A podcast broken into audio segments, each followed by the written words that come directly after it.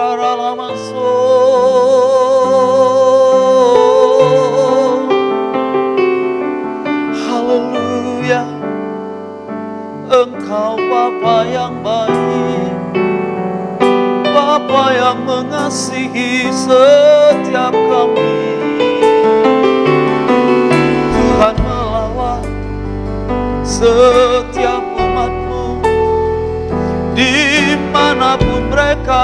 berada Tuhan. Engkau yang menjamah setiap FA-FA yang ada. Engkau hadir Tuhan Di setiap mesbah umatmu Tuhan. Bertata di atas pujian. Biar hatimu disukakan Hatimu disenangkan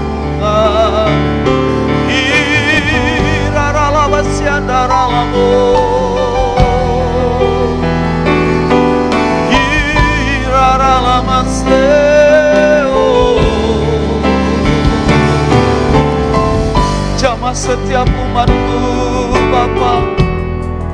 Mereka yang mengikuti pada live streaming ini Yang sakit engkau sembuhkan Yang lemah engkau kuatkan Yang kekurangan Tuhan cukupkan. Engkau yang menjadi jawaban Tuhan Yesus yang menjadi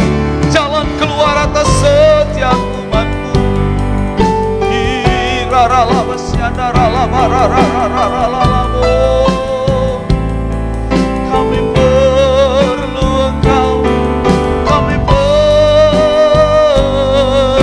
Engkau Tuhan Iraralabaralabasyandaralamu. Irarararalabasyandararalababababababa.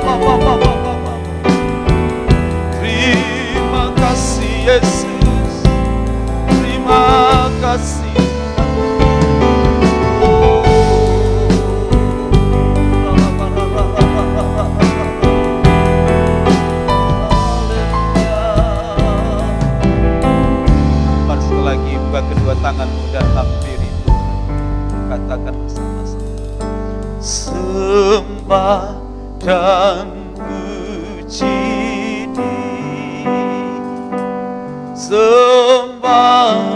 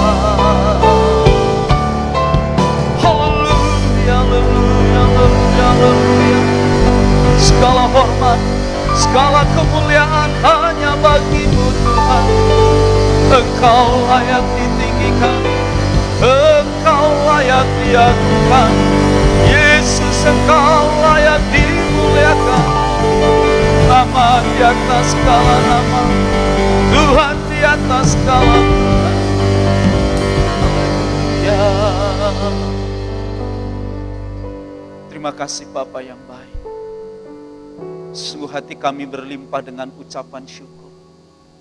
Kalau kami family family Alta dari keluarga besar GBI Medan Plaza boleh merayakan Natal bersama-sama melalui ibadah live streaming.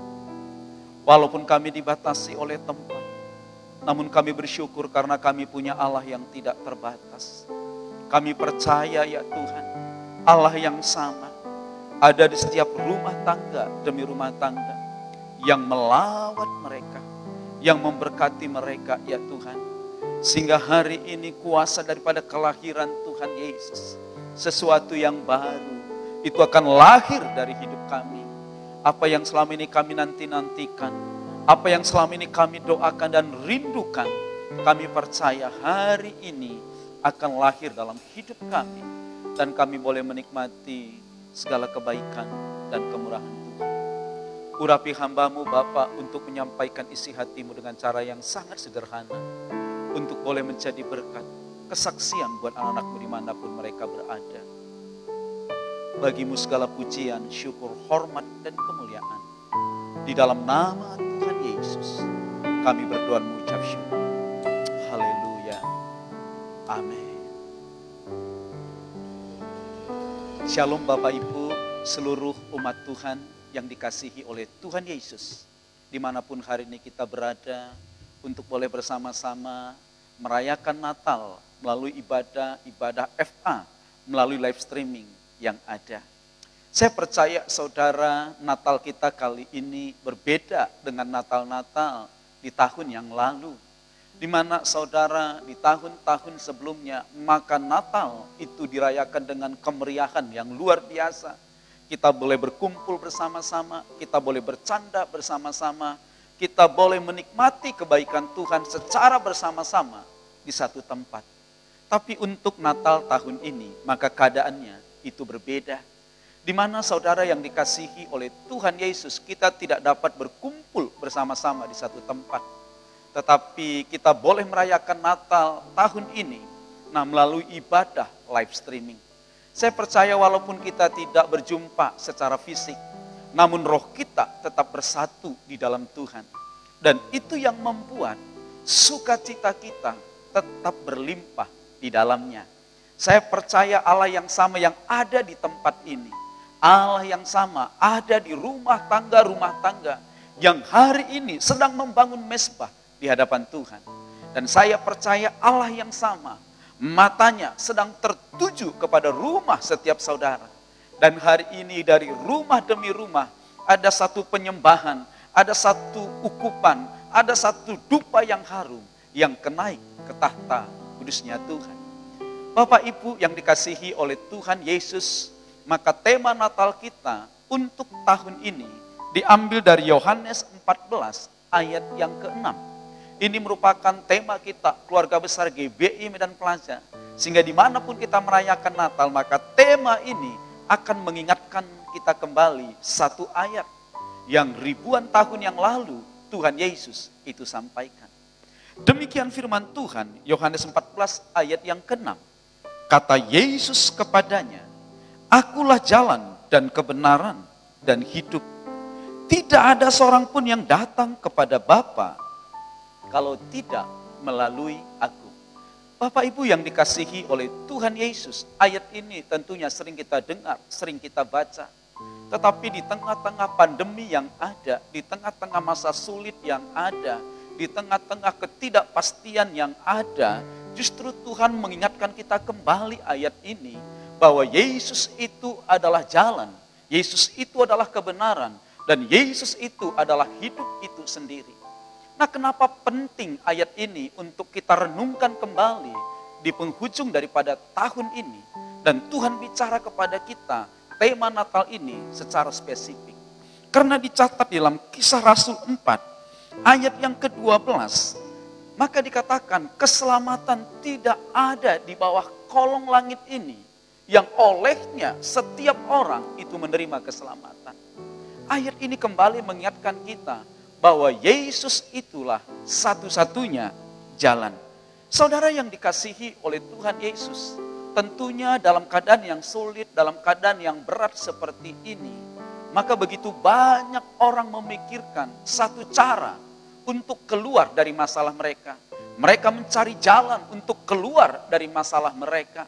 Saudara yang dikasihi oleh Tuhan Yesus, Paulus sudah pernah mengingatkan kepada anak rohaninya yang bernama Timotius bahwa pada hari-hari terakhir akan timbul masa-masa yang sulit dan pada waktu itu orang akan menjadi egosentris, mencintai dirinya sendiri dan menjadi hamba uang.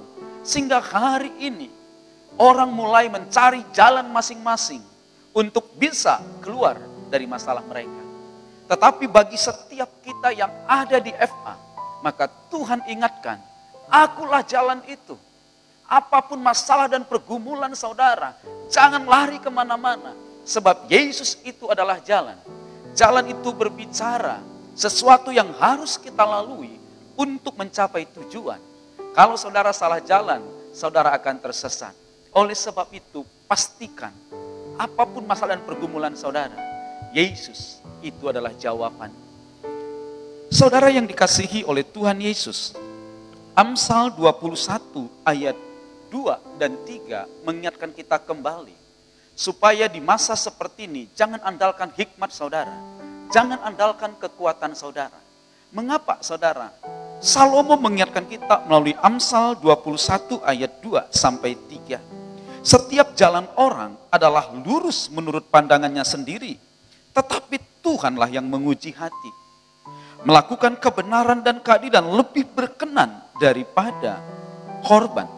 Saudara yang dikasihi oleh Tuhan Yesus, Salomo mengingatkan kita banyak jalan yang dipilih orang dan dianggap jalan itu lurus. Tapi dia mengingatkan, banyak jalan yang awalnya sepertinya lurus, tapi berakhir dengan maut. Tapi kalau saudara berjalan dalam Yesus, maka jalan itu lurus dan jalan itu akan membawa saudara kepada kehidupan. Saudara hari ini saudara boleh membela diri saudara untuk membenarkan apa yang saudara pikirkan atas jalan hidup yang saudara tempuh. Mungkin saudara mencoba membenarkan diri karena keadaan yang ada. Saudara boleh menempuh jalan yang saudara putuskan. Dan saudara berkata bahwa jalan yang saudara putuskan itulah yang terbaik. Ingat, engkau boleh berbohong di hadapan manusia. Tapi satu hari, dia Allah yang akan menguji hati kita. Apakah kita sungguh-sungguh melekat kepadanya? Atau kita sedang mencari jalan untuk lari daripadanya? Mari saudara yang dikasihi oleh Tuhan Yesus, ingat, Tuhan itu adalah jalan atas setiap masalah saudara. Yesus adalah jalan keluar. Yesus adalah way out daripada apa pun yang menjadi masalah dan pergumulan kita.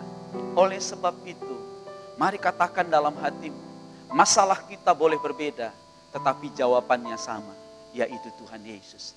Datanglah kepada Tuhan, apa pun masalahmu, sebab dialah jalan keluar dari segala pergumulanmu. Yesus itu jauh atau dekat tergantung saudara. Kalau saudara adalah orang yang senang berdoa, saudara senang memuji Tuhan, maka Yesus itu hanya sejauh daripada doa saudara. Saudara bisa berseru kepada Tuhan dan berkata, berseru dan memanggil namanya. Berdoa dia akan segera menghampiri dirimu. Percaya Yesus tak jauh darimu Dia hanya sejauh doa. Berseru dan memanggil namanya. Berdoa dia akan segera menghampiri dirimu. Percaya Yesus tak jauh darimu Dia hanya sejauh doa Percayalah bahwa Yesus itu adalah jalan keluar. Dan apa pun masalah saudara, dia tidak jauh dari hidup saudara. Dia tidak pernah membiarkan Anda sendiri. Dia hanya sejauh doa saudara. Oleh sebab itu mari hari ini apa pun masalah dan pergumulanmu datang berdoa kepada Yesus. Yesus itu dekat dan dialah jalan keluar atas segala masalah. Yang kedua, saudara, Yesus bukan saja jalan atas segala masalah kita, tapi Yesus juga dikatakan adalah kebenaran. Di tahun ini kita mendapatkan satu tema, the years of righteousness. Di mana sepanjang tahun ini kebenaran demi kebenaran Tuhan akan wahyukan kepada kita.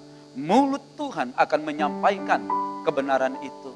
Dan khusus untuk tuntunan, sepanjang bulan Desember ini, maka kita mendapatkan tuntunan yakni kebenaran yang menyelamatkan. Mengapa saudara di tengah-tengah masa sukar dan sulit di mana orang mencintai dirinya sendiri dan menjadi hamba uang, justru Tuhan minta kita hidup di dalam kebenaran. Nah, kenapa penting hidup dalam kebenaran? Yang pertama, kebenaran itu berbicara benar dan adil.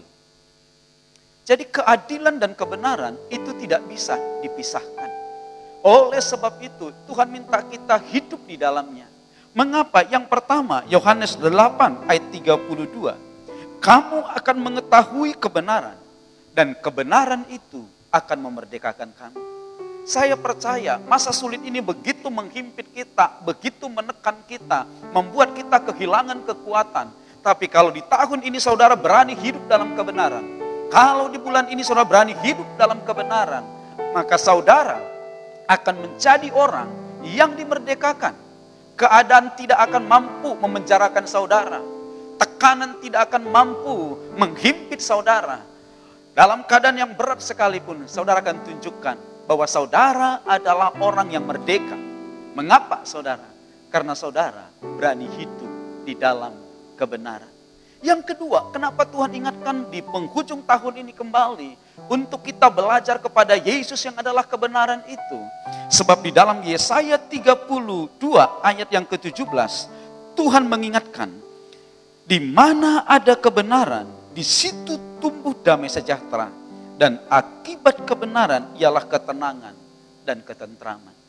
Saudara, banyak usaha yang dilakukan oleh orang lain untuk tetap tenang di masa-masa pandemi seperti ini. Di mana ancaman COVID-19, di mana ancaman ekonomi, bahkan ancaman goncangan sosial, maka apa yang dilakukan orang? Orang mulai ada dalam ketakutan. Dan dia berusaha mengatasi ketakutannya. Tapi hari ini, saudara tidak perlu repot-repot untuk mengatasi ketakutan saudara. Karena Alkitab dengan jelas mencatat, apa yang harus saudara lakukan, yang saudara harus lakukan, hiduplah dalam kebenaran. Berani hidup dalam kebenaran, maka apa yang terjadi? Ketenangan, kedamaian adalah milikmu. Uang bukan jawaban membuat hati saudara damai, tapi kebenaran itu yang akan membuat hati saudara damai. Yang ketiga, kita harus mengingat kembali bahwa Yesus itu adalah hidup. Kenapa kita perlu hidup? Benda mati dan benda hidup itu hanya satu bedanya. Benda mati seindah apa pun dia, dia akan tetap seperti itu selama-lamanya. Tapi benda yang hidup, dia akan terus berkembang dia akan terus uh, menghasilkan buah. Saudara, apa bedanya bunga yang asli dengan bunga yang palsu? Bunga yang palsu bisa kelihatan baik, bisa kelihatan bagus, tapi bunga itu akan tetap seperti itu selama-lamanya, tidak mengalami pertumbuhan. Tapi bunga yang hidup, hari ini mungkin bunganya gugur, hari ini mungkin daunnya gugur, tapi dia akan berkembang, dia akan bertumbuh. Satu hari dia akan mengeluarkan daun yang baik dan bunga yang baik. Mari terima hidup itu. Biar bagaimanapun keadaanmu hari ini, satu hari engkau akan melihat pertumbuhan itu terjadi dan Tuhan akan menghiasi Saudara yang dikasihi oleh Tuhan Yesus, apa yang harus kita lakukan di masa COVID ini, menutup tahun ini untuk seluruh FA dan memasuki tahun yang baru? Saya tutup dengan pengertian ini. COVID ini saya melihat bahwa Tuhan sedang meristak segala sesuatu. Tuhan sedang mengatur kembali segala sesuatu. Supaya segala sesuatu itu kembali kepada rencananya Tuhan. Oleh sebab itu ketika Tuhan lagi memulai segala sesuatu, biar kita ada di dalamnya. Karena di depan akan ada sesuatu yang baru. Mari bersyukur dengan apa yang ada. Karena Tuhan lagi mengerjakan sesuatu yang baru. Dan bagi kita yang mengerti akan hal ini, kita akan bersama-sama menikmati yang baru yang ada di depan kita. Yang kedua, di penghujung tahun ini, apa yang dilakukan FA memasuki tahun yang lalu. Maka di dalam kitab Wahyu, Tuhan bicara kepada jemaatnya yang ada di Efesus. Supaya mereka kembali kepada kasih mereka yang mula-mula Saudara kalau kita melihat pelayanan daripada jemaat yang ada di Efesus, maka kita melihat pelayanannya itu semuanya yang terbaik. Saudara, bagaimana mereka kuat dalam penderitaan, bagaimana mereka tidak kompromi dengan nabi-nabi palsu, bagaimana mereka tidak pernah mundur dalam segala keadaan, tapi Tuhan mencela mereka dan berkata, kembali kepada kasihmu yang semua. Saudara saya percaya, di tahun-tahun yang lalu. Begitu banyak prestasi-prestasi yang kita dapat melalui FA. Kita tidak pernah lelah, kita tidak pernah takut untuk melakukan yang terbaik. Tapi tahun ini sepertinya Tuhan suruh kita diam. Supaya memasuki tahun yang baru. Saudara harus kembali kepada kasih yang mula-mula. Saudara boleh melayani dengan sekuat tenaga saudara. Saudara boleh habis-habisan untuk Tuhan. Tapi jangan pernah tinggalkan kasih yang mula-mula. Biar tahun yang akan datang, kita akan kembali ber-FA dengan semangat yang baru, dengan kasih yang mula-mula, di mana Tuhan yang menjadi pertama dan terutama. Yang ketiga, pesan saya untuk FA-FA yang ada. Ketika Tuhan menghancurkan dunia di zaman Nuh, sama seperti COVID ini, ekonomi yang lama dibangun, usaha yang lama dirintis dan dibangun, tiba-tiba pandemi ini membuat segala sesuatunya itu runtuh. Banyak perusahaan-perusahaan yang tutup. Banyak usaha-usaha yang terkenal di dunia itu mulai menutup gerainya, mulai menutup toko-tokonya di seluruh dunia. Sesuatu yang lama dirintis. Sama seperti apa yang dialami oleh Nuh. Nah ketika saudara yang dikasihi oleh Tuhan Yesus, dia membangun rumah, dia membangun daerahnya, dia membangun kehidupannya. Tapi satu hari akhir bah menghancurkan segala sesuatu apa yang dibangun oleh Nuh. Tapi ketika Nuh kembali ke dunia ini, setelah air itu surut dan dia menginjakkan kakinya, maka Nuh dan keluarganya menyadari mereka tidak punya apa-apa lagi. Mereka memulai dari nol. Apa yang mereka lakukan? Mereka membangun mesbah. Mereka menaruh korban di atasnya dan mereka memanggil nama Tuhan. Maka waktu itu dicatat di dalam kejadian, maka ada satu aroma yang naik ke tahta Tuhan dalam kejadian delapan. Maka aroma itu dicium Tuhan dan menyenangkan Tuhan. Dan ada satu tanda seperti pelangi. Dan Tuhan berkata, dan Tuhan memberikan janji. Untuk memasuki tahun 2021, kita perlu janji Tuhan. Mari bangun mesbah persembahkan korban di atasnya. Engkau akan lihat, Tuhan akan memberikan janji yang baru kepadamu seperti Nuh. Dan engkau akan berjalan di dalam janji itu. Dan engkau akan melihat terobosan demi terobosan akan terjadi di tahun yang akan datang. Mari seluruh FA persiapkan diri kita. Di depan kita ada sesuatu yang baru. Di depan kita ada satu terobosan yang baru. Dan saya percaya, waktu kita mengerti rencana Tuhan ini, maka kita akan mengalami yang baru itu bersama-sama. Biarlah hari ini apa pun yang terjadi, arahkan hatimu, pandanganmu terus kepada Tuhan. Kalau hidup,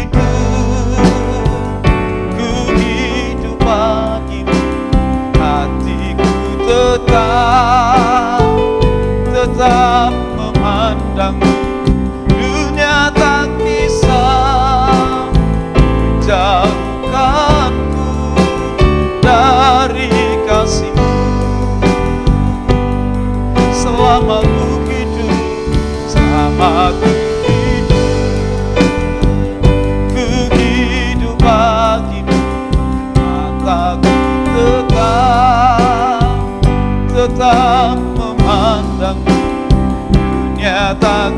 Tak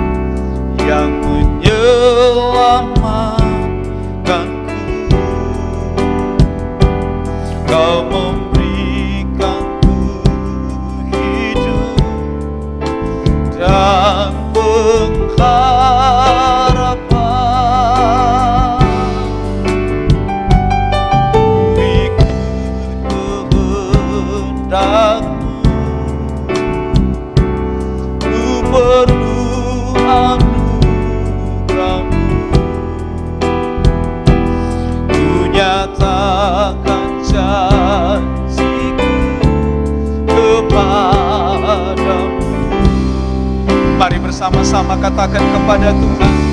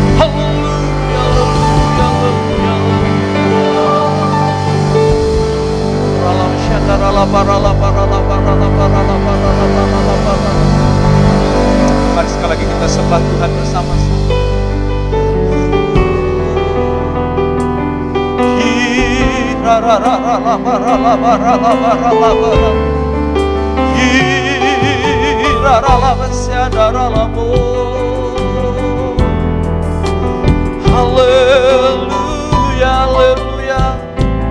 Kiraralamaso. Kiraralabaralalabaralalaba. Oh, ralavasyanda ralabararararalabaralaba.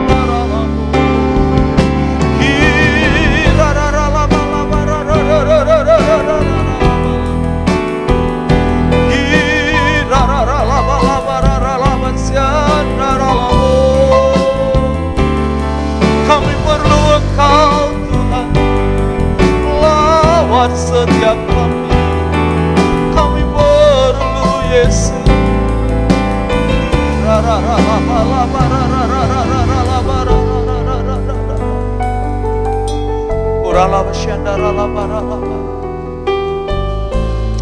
Haleluya. Biar engkau melawat setiap anak-anakmu di mana pun mereka berada mengikuti Natal FA melalui live streaming. Tuhan Yesus, hambamu berdoa. Berkati seluruh anak-anakmu ya Tuhan. Terima kasih buat pesan Natal yang mengingatkan kami kembali bahwa engkaulah jalan, kebenaran, dan hidup. Kami bersyukur buat tuntunan Tuhan untuk menutup tahun ini dan memasuki tahun yang baru. Bapak hambamu berdoa, angkat setiap anak-anakmu naik dan tidak turun, menjadi kepala dan tidak menjadi ekor. Jauhkan dari segala kegagalan, namun bawa kepada keberhasilan yang daripada Tuhan. Bapak berkatin negeri kami Indonesia. Biar negeri kami ada dalam hatimu, ada dalam rencanamu, ada dalam pikiranmu. Kami bersyukur ada di negeri ini. Berkati presiden kami, wakil presiden para menteri, DPR, MPR, TNI, Polri, seluruh lembaga yang ada di negeri ini, kepala-kepala daerah sampai tingkat terendah. Tuhan kiranya kekuatan hikmat yang daripada Tuhan menolong mereka untuk mengatasi seluruh masalah-masalah yang ada di negeri kami. Bapak berkatmu atas para pemimpin rohani kami. Berkatmu atas gembala kami, pemimpin rohani kami yang ada di Jakarta. Tuhan, kiranya kasih anugerah, rahmatmu berlimpah-limpah buat hambamu Bapak Pendeta Dr. Insinyur Niko Nyotora Harjo. Berkati gembala pembina kami Bapak Pendeta Erbambang Yonan ya Tuhan. Beserta ibu, putra dan putri yang Tuhan percaya. Berkatmu atas gembala sidang kami, Bapak Pendeta Daniel Edi Pride. Berkatmu atas ibu, atas putri dan putra yang Tuhan percayakan buat keluarga hambamu ini. Bahkan para wakil gembala yang Tuhan pilih, Tuhan urapi untuk bersama-sama menggembalakan gereja Tuhan di keluarga besar GBI Medan Plaza. Kiranya hikmat marifat yang daripada Tuhan berlimpah atas hamba-hambamu ini. Kiranya pewahyuan akan kehendak Tuhan semakin hari semakin nyata. Sehingga gereja akan berjalan dalam tuntunan dan isi hati Tuhan. Bapak hambamu berdoa buat seluruh umatmu yang memberikan persembahan sepanjang tahun ini. Yang mendukung rumah Tuhan. Yang mendukung pekerjaan Tuhan. Biarlah setiap persembahan yang diberikan. Itu Tuhan lipat gandakan. Dan hatimu disenangkan ya Tuhan. Terima kasih Bapak yang baik. Kami berdoa buat kota kudusmu Yerusalem. Salam Yerusalem. Biar sentosa ada di dalam puri-purimu. Dan diberkati orang yang memberkati kota kudusmu. Yerusalem. Jika sebentar kami akan mengakhiri ibadah Natal FA kami. Kiranya kau berkenan mengulurkan tanganmu dan memberkati setiap kami. Mari umat Tuhan, di mana pun kau berada hari ini, angkat tangan, angkat wajahmu ke surga, dan terimalah berkat Tuhan. Pulang dan bawalah anugerah damai sejahtera yang berlimpah-limpah daripada Allah Bapa. Cinta dan kasih sayang dari Tuhan kita Yesus Kristus. Persekutuan yang manis dengan rohnya yang kudus. Akan menyertai kita mulai hari ini. Yesus datang kali yang kedua. Maranatha bahkan sampai selama-lamanya. Di dalam nama Tuhan Yesus. Mari yang percaya bersama-sama katakan.